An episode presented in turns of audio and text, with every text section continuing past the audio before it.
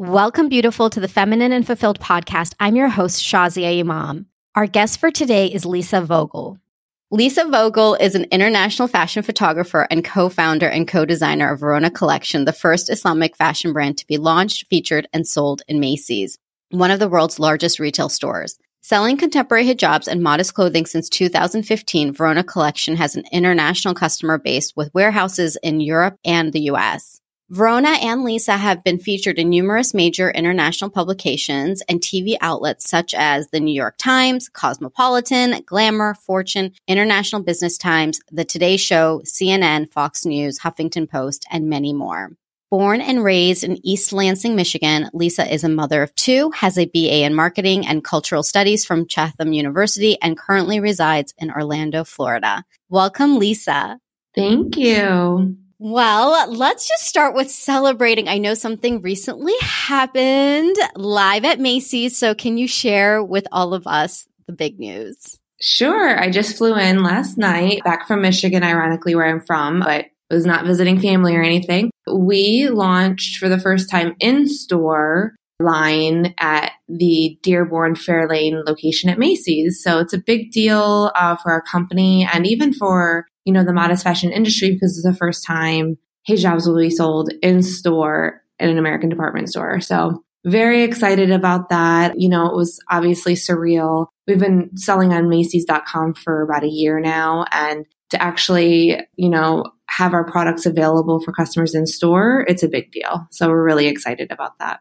Yeah, it's a huge deal because like you said, I mean, it sounds like you were carried online, which is a huge win. But to actually be in a retail store, to actually have floor space, I mean, this is a huge deal in the retail industry. Yes? It's a very big deal. And our goal was to make modest fashion more accessible. And, you know, online is one thing, but to be able to be like everybody else and go into a store and try on if something works or doesn't work, you know, it's a big step for us hopefully, you know, inshallah, we can expand, but this is a great starting point. And how did the event go? Tell us. I was I was following you on Instagram and I wish I could have been there in person because it looks like so much fun. It was, I mean, for me, it's kind of like I get pulled in every direction, you know? So, in some regards, I'm so busy that I don't have time to like take in the moment. Mm. It's not even until after the event that it can like sink in. But like, we had such a great turnout.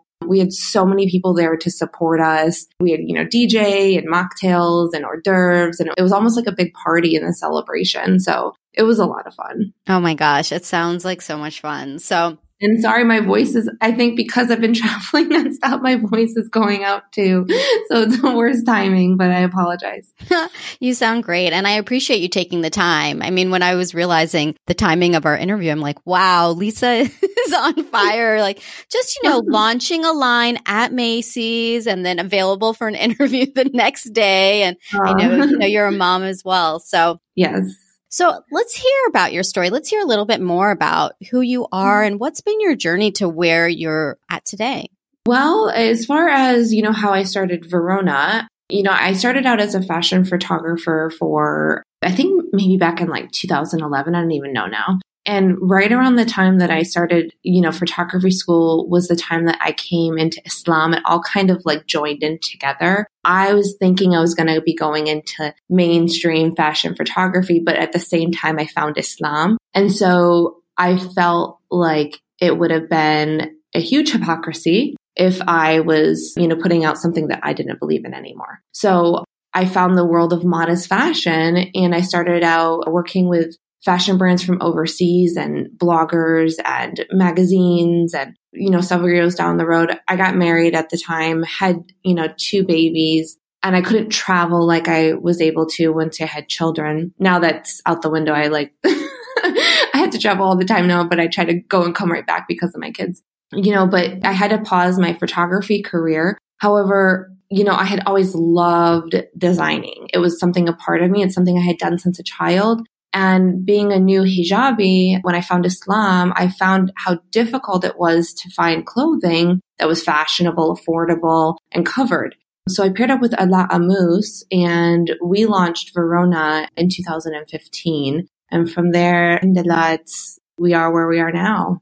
Wow. So you launched Verona in 2015. So we're talking mm-hmm. now we're in 2019. We're four years later. Mm-hmm. What has that journey been like? I mean, because it's one thing for us to see you're in Macy's, you have this line, hijabs are literally being carried in store now. You know, modest collections are being carried in store. But I imagine that it took a lot of perseverance behind the scenes. picture behind the scenes mm. at all you know, we, uh, you know, might have emergency situations with productions and we're getting woken up at two in the morning because we have to make a decision, you know, because some of our factories are, you know, in overseas. It's, you know, taken a lot of struggle, a lot of sacrifices, sleepless nights, stress. So I'm not going to, you know, a lot of what's put out there are, you know, celebrations and the success is the result, but to get there has not been easy. And I'm still not going to say that it is an easy task right now. You know, we deal with challenges every single day. And especially even we both,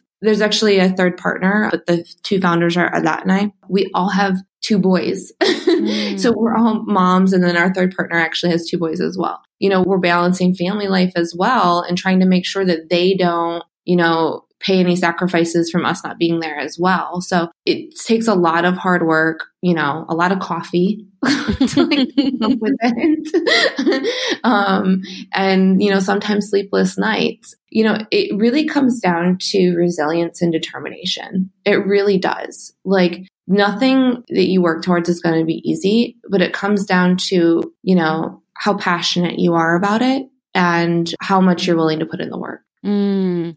So take me to that place, the passion place. You know, when you started this, you know, when you're talking about these being called at like two in the morning or all these things that happen behind the scenes, take me to a moment where you may have thought, that's it. I can't do this anymore. And yet there was a part of you that said, no, I will still go on.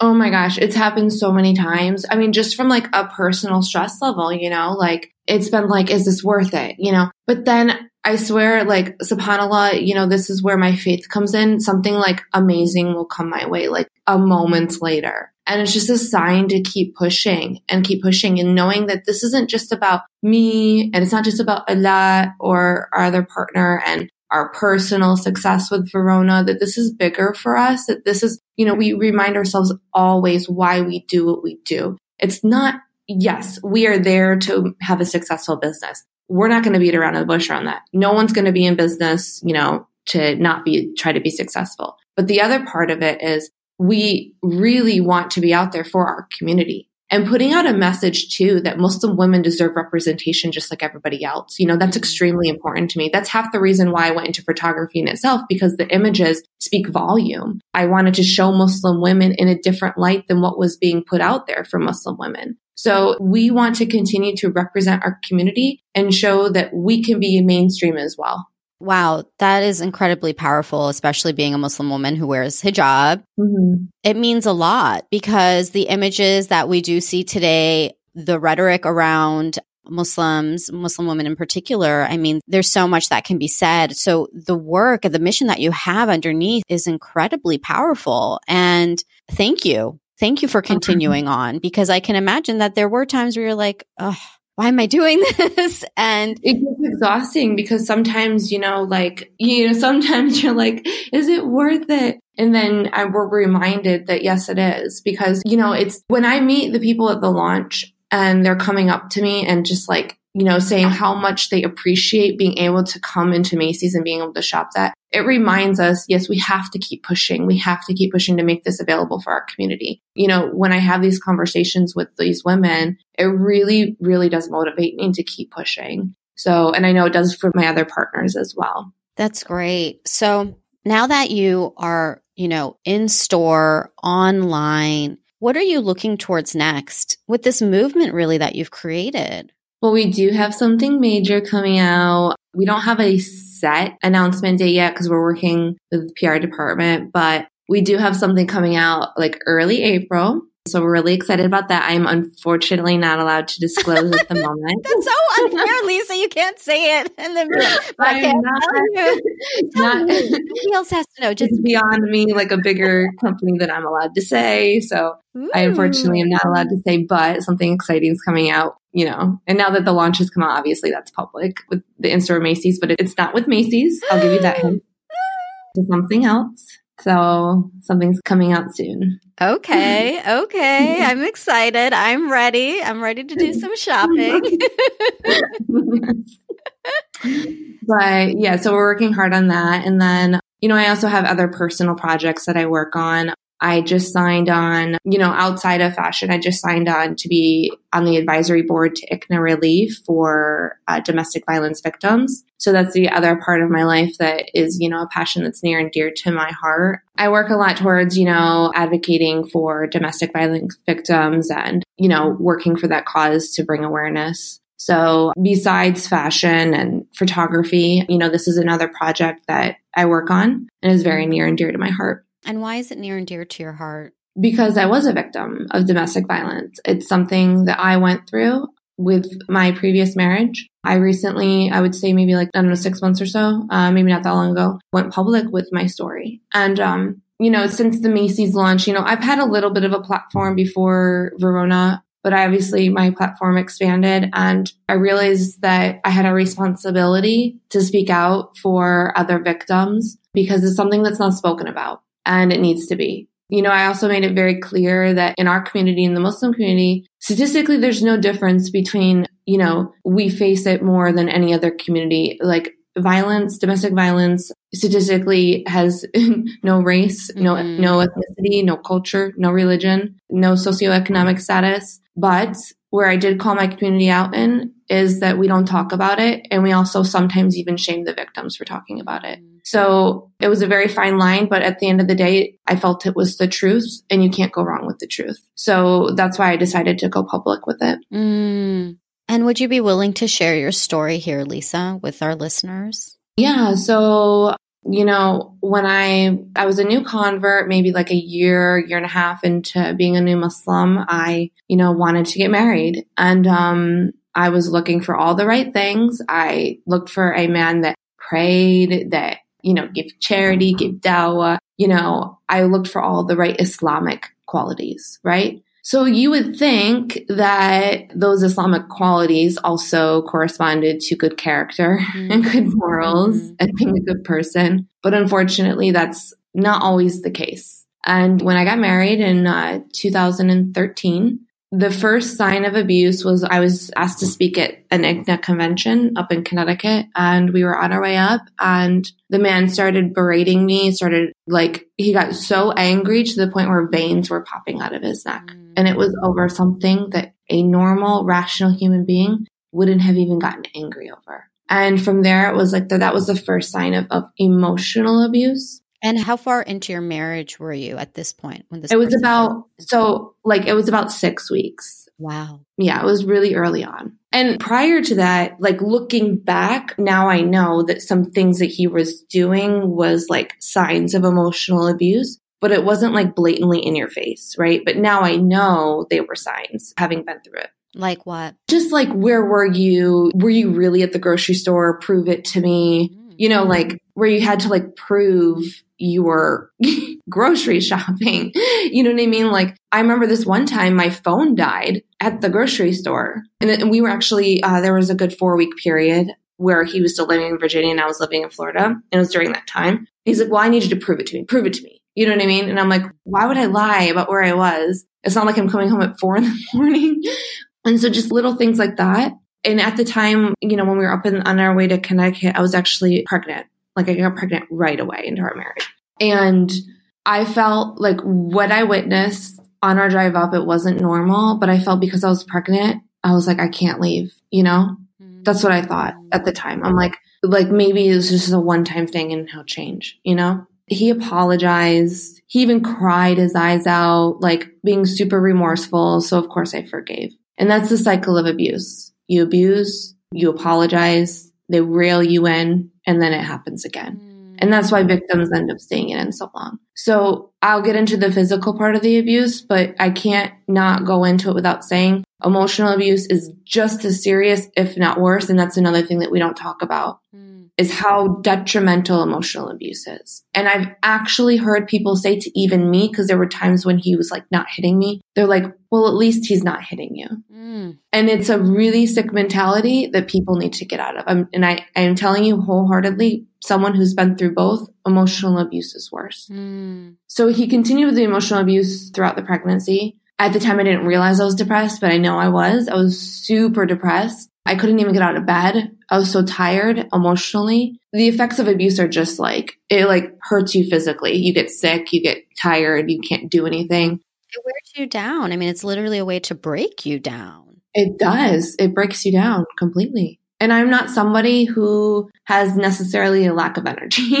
you know, I'm a motivator. Like I'm always motivated and always, I wanted to do nothing. Like I was motivated to do nothing. My first child, Elias, New Year's Eve baby, and around two months afterwards, approximately, was the first time that he hit me and he knocked me to the ground. Mm. And I blacked out for a moment. Like it was something that I will never, ever, ever forget. And from there, just like the emotional abuse, the physical abuse got worse. So, you know, I had dealt, and I'm sorry, I always, as much as I've healed from it, like I still, like, you can't talk about it without crying. So, and thank you for sharing. Yes. And I feel like it's my responsibility to talk about it because there will be, and I guarantee there will be women that hear me talk that have been through it. You know, every time I have given a speech on the domestic violence, every single time women come up to me and said, thank you. And I'm not saying, saying this because I, I want, you know, applaud, but I'm, I'm saying this to prove they're like, I went through the same thing you did. Every single time I've spoken about it, there are women that have been through the same thing. And I know that women that hear this are either going through it mm-hmm. or have been through it. And I just pray that me speaking out will give them the strength to know that they can leave as well. Because it is so difficult to leave. It is so hard. But women have to find the strength and the courage. They have to find a way to get out because it's just a fact. Men like that, they don't change and they should not be getting help while the woman's in danger. The danger needs, the woman needs to get out and be safe. If they want to try to, you know, get him help, if he can change, you know, she shouldn't be in danger in the process. Mm. And so I just pray that I give women strength to know that they can leave as well. So, you know, fast forward, you know, I even went through a miscarriage because he was beating me during pregnancy. Mm. that was, you know, my third pregnancy. And shortly after that, I finally had the strength to leave. I waited till he went to work my partner, who's also like my sister, Alat, she helped me pack up the car. And one day I just left. I drove from Dallas to Orlando and I started a new life. Wow. Wow. So going back to, I mean, you shared that the first time that he hit you was two months after having your first child, after having Elias. Mm-hmm. And you mentioned that by the third pregnancy is when you left. So shed some light on that timeline because it must have taken so much strength and courage to leave. I mean, I can only imagine. So help us to understand the timeline and what it took. I mean, for me, like, you know, I can't talk about like other women and what it might take for them. But for me, there was just a light bulb that went off that was like, I have to leave. It was like I had reached a breaking point where I was like, this is enough.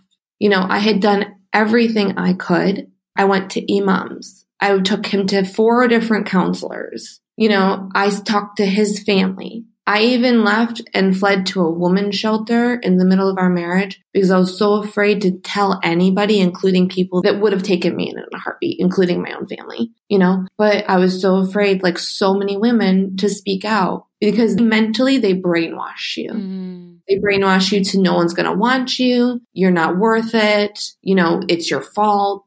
You know, they brainwash you until you feel like you're nothing and that you're not even capable of taking care of yourself. So that always goes through a woman's mind. How am I going to provide for myself? How am I going to take care of my children? What am I going to do? There's so much that goes on in your mind because they make you feel like you won't survive without them. Mm abuse is 100% about power and control. That's all it is. And it seems like a very simple thing to understand. But when you're in it, you don't really realize the root of abuse. You really don't. You know, but it, that's what it comes down to power and control. Mm. And so that's why when they leave, so many abusive men, and I'm not going to say that abuse doesn't happen from women to men, it does, but obviously, majority it comes from men. They want to try to cut off finances. They want to try to control what you can do. They try to use your children. You know, I deal with my ex right now. You know, everyone sees this rosy picture with me with the success of Verona, but they, you know, behind the scenes, and people may realize I'm out of the abuse, but he still tries to use the children as means for control. You know, he will text me, I'm watching your every move. You know, like he'll use intimidation because mm-hmm. like they cannot stand you being, you know, living free and running your own life. They can't stand it. So, yeah. And I also have to point out that abuse, even when you're out of it, for me personally, and so many other women, like even though I stepped out, like for me, I gave him a year. I said, you're going to get help. And if you don't change, I'm going to divorce you. And of course he didn't change. But even after the divorce, there were times when I was like, is he changing? Should I go back? And we would like even go out for dinner. I'm like, well, this is our family. It even took time mentally to finally completely snap out of it and be like, this man is not a good person. He is not going to change. And it's not even good for my children. You know, people think that divorce is the worst thing for the kids. No, an unhealthy home and abuse is definitely the worst thing. And it's way better to have a healthy home in a single family home versus an abusive home for sure. Mm. Wow, Lisa, you know, as you share, it, it's heartbreaking. It's really heartbreaking to hear your story. And, you know, it's further heartbreaking to know exactly, as you said, that someone, and not just one, but many women who are going to hear this are experiencing it or have. And it's a painful place to be in. I mean, you were, from what I imagine, a strong, confident, ambitious woman, you know, thinking that you were going on this new path. You had found Islam. I imagine that you felt very enlightened and you thought that you would start a life and a family with somebody. And to have that like taken away from you, not just taken away from you, but I don't even have the words, but what you had to endure and to go through that and to go all the way to the bottom and now to like, you know, come back and find yourself again. I mean, I'm just processing a lot if I'm being completely transparent. And I'm so grateful to you for sharing because this is not just one woman's story. Mm-hmm. So many women go through it. But if I can spread some positivity on it, mm-hmm. you know, and I truly mean this, I am now more confident and my self esteem is higher. You know, I will be lying if I tell you there's not a part of me that has changed. And it is going to be, and I am forever changed based on my experience because it just is impossible to not carry that with you for the rest of your life. That doesn't mean I have to live in that dark moment. You know, I now live in a very happy state of mind and I can't be more grateful. Mm. It's just, there's something about when you hit rock bottom and then you enter into freedom, the amount of relief that you have just to be able to sit and not have someone berating you. Mm. You know, the weight that comes off your shoulder is just amazing. But I like honestly, and I truly mean it, I am more confident and my self esteem is higher than it was before I went through that abuse. Mm. And I can't explain why, nor I don't think I can put it into words, but there's something about when you finally let go of what you, you know, not caring about what other people think of you, you know, and just living for you and your children and, and the people that are important for you, like what that feels like to be able to finally like not allow someone to treat you like that anymore. Mm. It's a really great feeling. Mm-hmm. And so for me, I've come full circle and I actually am more stronger and more confident than what I was before the marriage. Mm. That's beautiful. And I'm curious to know, I know you said that, you know, you can't really put into words or you don't know exactly why, but, you know, if there was a woman in front of you going through what you had been through and she's in it now, what advice would you give to her? You know, if she's ready to take that step and leave and move on with her life, what would you say to her? Well, first, I'm going to give her practical advice you have to set up a plan. Obviously, just don't run away and not have any sort of plan. You know, if you have nobody, there are services and shelters available. You know, you have to be smart about it um, because you have to wait until he's away from work and making sure he doesn't see you packing and setting things up. You know, you have to find a way and a plan to keep you and your children And even, I know this sounds crazy, but even pets are endangered too. Like a lot of abusive uh, people, they'll even like abuse animals too. Like find a way for you guys to escape in the safest way possible and only talk to people that you know you can trust and aren't going to go back to him. So that's one. So it's very practical advice that I want to make sure that they're very smart about it.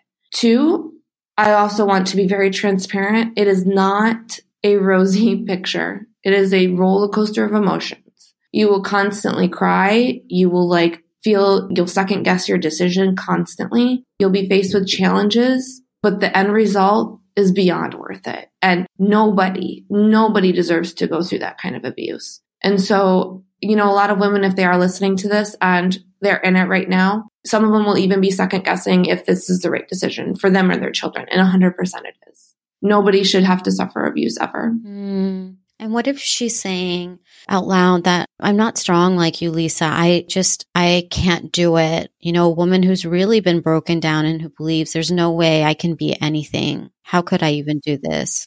I am no different. I am no different. I was in that state of mind, just like the woman listening right now. I was there and I felt that I could not do it. I felt I wasn't good enough. I felt I wasn't going to find, you know, how am I going to remarry? Who's going to want me with two children? You know, like, and that's another side topic that marriage isn't the ultimate, like, you know, where you can be happy without a man too. That's another topic. Mm-hmm. I can definitely attest to that too. Yes. Because I'm, yeah. I'm on my second marriage, but I really enjoyed my time. In between being single, yeah. it was real freedom. I know. Tell me about mm-hmm. it. I'm now, you know, I just got married, alhamdulillah, but hopefully I won't make that comment.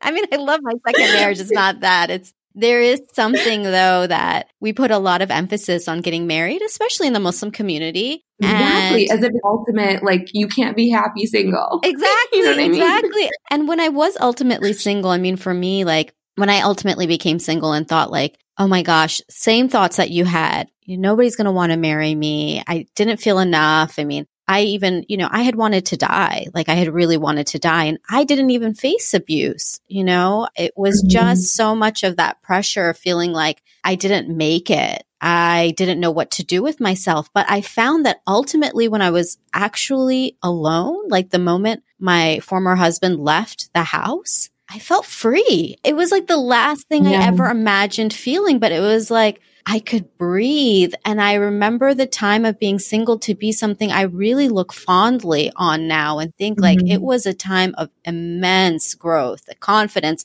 I mean, a lot of things you're sharing, Lisa, really resonate, even with mm-hmm. different circumstances. For sure. We think of like marriage as like, you know, like the bar of success as if a relationship status has something to do with someone's value or worth. Mm-hmm. And it's kind of a really sick mentality you know, you can absolutely 100% be happy without being married, mm-hmm. you know? And in fact, I think that's why I ended up like I'm in a healthy relationship now because I found my happiness without someone else having to make me happy. Yeah you know, because if you go into a marriage and that other person, you need to find that your happiness through them. It's not necessarily going to be the most healthy relationship because everyone's human and people will disappoint you, even your spouse and your closest person. You have to find happiness within first. Yes. Oh my gosh, Lisa, I did a whole episode called Find and it was about mm-hmm. finding your soulmate. But really, the episode, it's a must listen for anybody who hasn't heard it already. For anyone looking to find their special person, or if you're in a relationship and you really want to amp it up, it's actually has nothing to do with the other person. It's all about exactly. having that love with yourself. Mm-hmm. So true.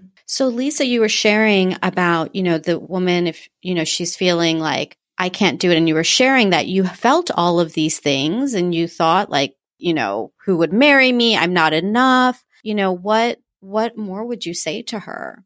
I would say, you know, the way you feel is a normal feeling after suffering abuse, but it's not the right way to feel. Mm-hmm. And you deserve way better. You know, I am the first to tell this woman, you know, who's listening, it is so hard to see the light at the end of the tunnel with what you're in now. In fact, it's like impossible. I know exactly what it feels like, but you have to find a way to leave and trust the journey and trust that it's going to be a roller coaster of emotions and you are going to have to find a way to, you know, cry all you can, talk to people, whatever is best. Everybody heals differently and that's totally fine. You know, some people need, you know, therapy is the best way to heal. Some people, you know, need to sit alone and meditate. Whatever is your way of healing, you have to go through that healing journey and process. And it's okay to feel pain. It's okay to feel these things, but not okay forever because you don't deserve it.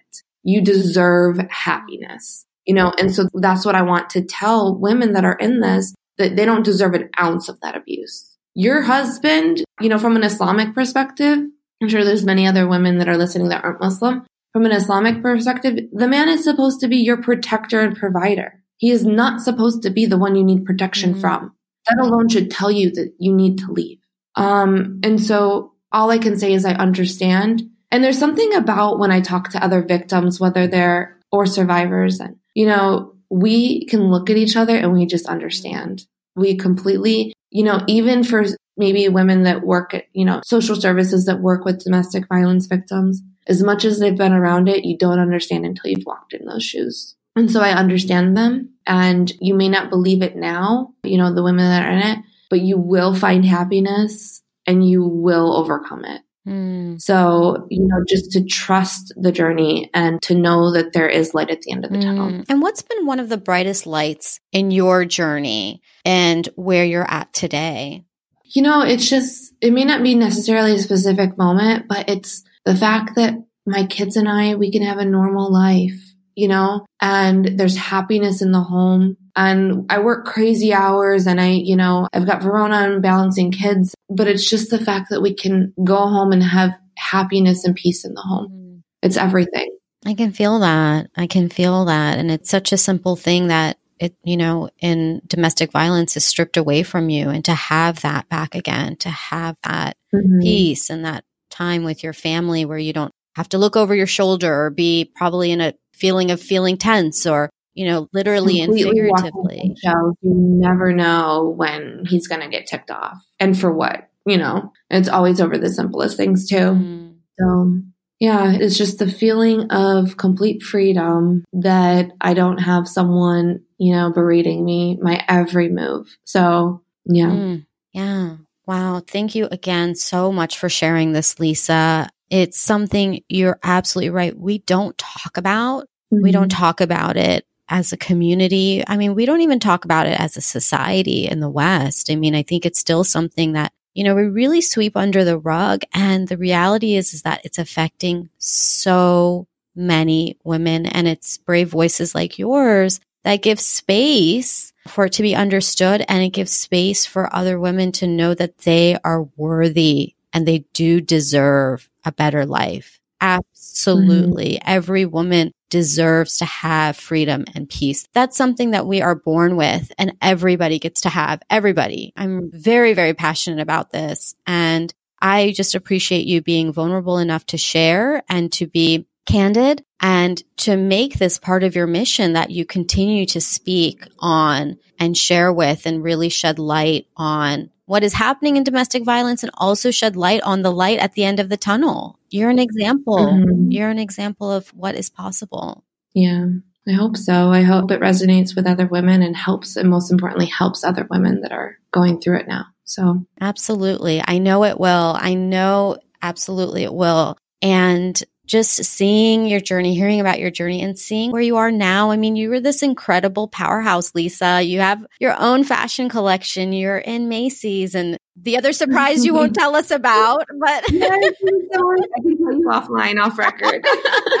I'm like an attorney in my ear. but you know, you're this amazing woman that so many of us look up to and we think, oh my gosh, I wish one day like I could have a business like this or I could be doing something that I'm so passionate about. And learning that, wow, you know, what you've been through and where you've come, truly, it's an inspiration. Thank you. Thank you. Thank you so much. So, Lisa, for the people listening, for the women listening, how can they further connect with you? Whether they want to go do some shopping or for the women who really hear themselves in your story and want to connect further, what's the best way to reach out? Okay, for shopping, if you want to shop in store, that's at the Macy's Fairlane in Dearborn in the women's section. You'll see Verona there for shopping on Macy's.com. It's Macy's.com slash Verona or our website, Verona dash collection.com. The social media is just Verona Collection for Facebook and Instagram. And my personal Instagram is Lisa M. Vogl, V O G L. Lisa M. Vogl. Great. And we will connect to all of those links that you just shared on our show notes at thelifeengineer.com slash podcast slash Lisa. And Lisa, can you just tell us in terms of the collection, you have hijabs and is there anything else included in the Verona collection? I believe that there's more.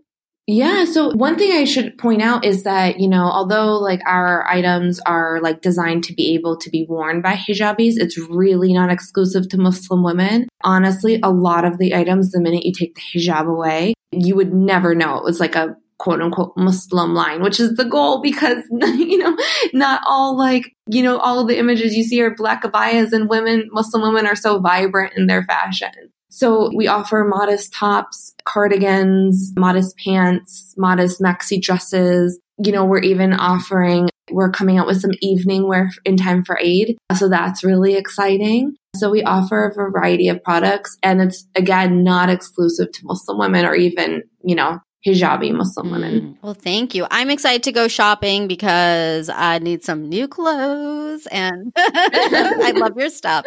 So I will be checking that out. And like I was saying earlier, we will put links to everything on our show notes so that people can shop with you and then definitely connect with you for any woman out there who's listening who this episode mm-hmm. really resonated with. Lisa and I are sending you tons of love and a reminder that you are worthy. Worth yeah. it.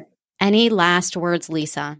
I just appreciate you, you know, giving me this opportunity to to speak and hopefully, you know, women that went through what I did, you know, know that there is a way out and there is light at the end of the tunnel and life even can be better from where you started. Mm, I love that. Love that. Thank you so much again, Lisa. And until Thank next you. time, we might have to do another episode once we hear the secret.